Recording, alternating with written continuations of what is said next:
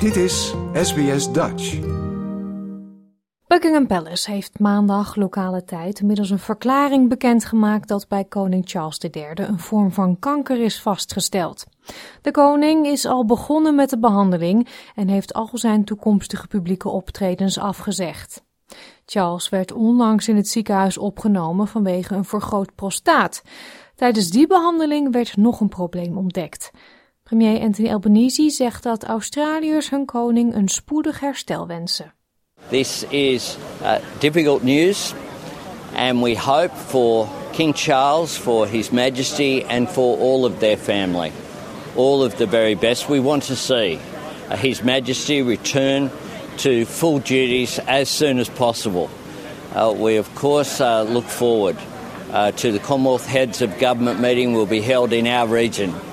And, of course, uh, we have invited uh, King Charles to visit Australia, and we sincerely hope that that is able to occur. Koning Charles heeft op advies al zijn geplande publieke optredens uitgesteld, nu hij onder behandeling staat. In de verklaring staat dat hij gewoon door zal gaan met staatszaken en het officiële papierwerk en zo snel mogelijk zal terugkeren naar zijn reguliere publieke taken. Hij heeft zijn dank uitgesproken aan zijn medisch team voor een snelle diagnose en blijft optimistisch over de behandeling van zijn aandoening. Verder is te lezen dat de koning dit nieuws wilde publiceren om speculatie over zijn gezondheid te voorkomen en het publieke begrip te vergroten voor degenen die mogelijk aan kanker lijden.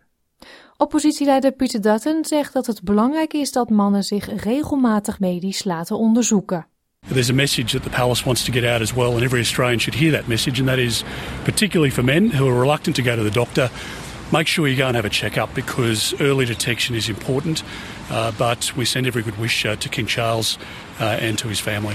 Buckingham Palace heeft niet bekendgemaakt aan welke soort kanker de koning lijdt, hoewel verschillende koninklijke correspondenten uit Groot-Brittannië zeggen dat de zaak niet typisch is.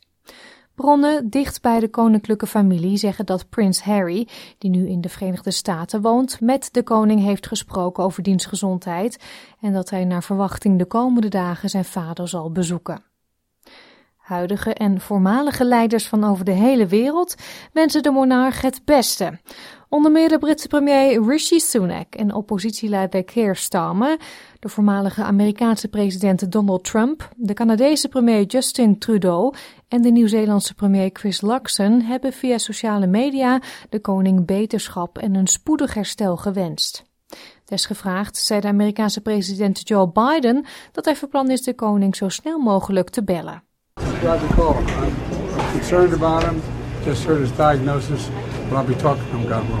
Het Britse volk heeft ook zijn verdriet geuit over het nieuws over de toestand van de koning. Hotelmanager Andy Bloomer zegt te zijn geschrokken toen hij het nieuws hoorde. He's the monarch of our country. He's uh, someone who a lot of people take great comfort in, and I do too. And I think he's a.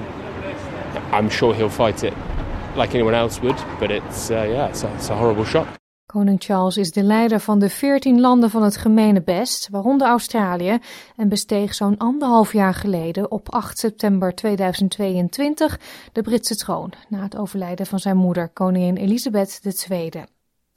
Dit was een bijdrage van Alex Anivantis voor SBS Nieuws, vertaald door SBS Dutch. Wil je nog meer soortgelijke verhalen? Luister via Apple Podcasts, Google Podcasts, Spotify of waar je je podcasts dan ook vandaan haalt.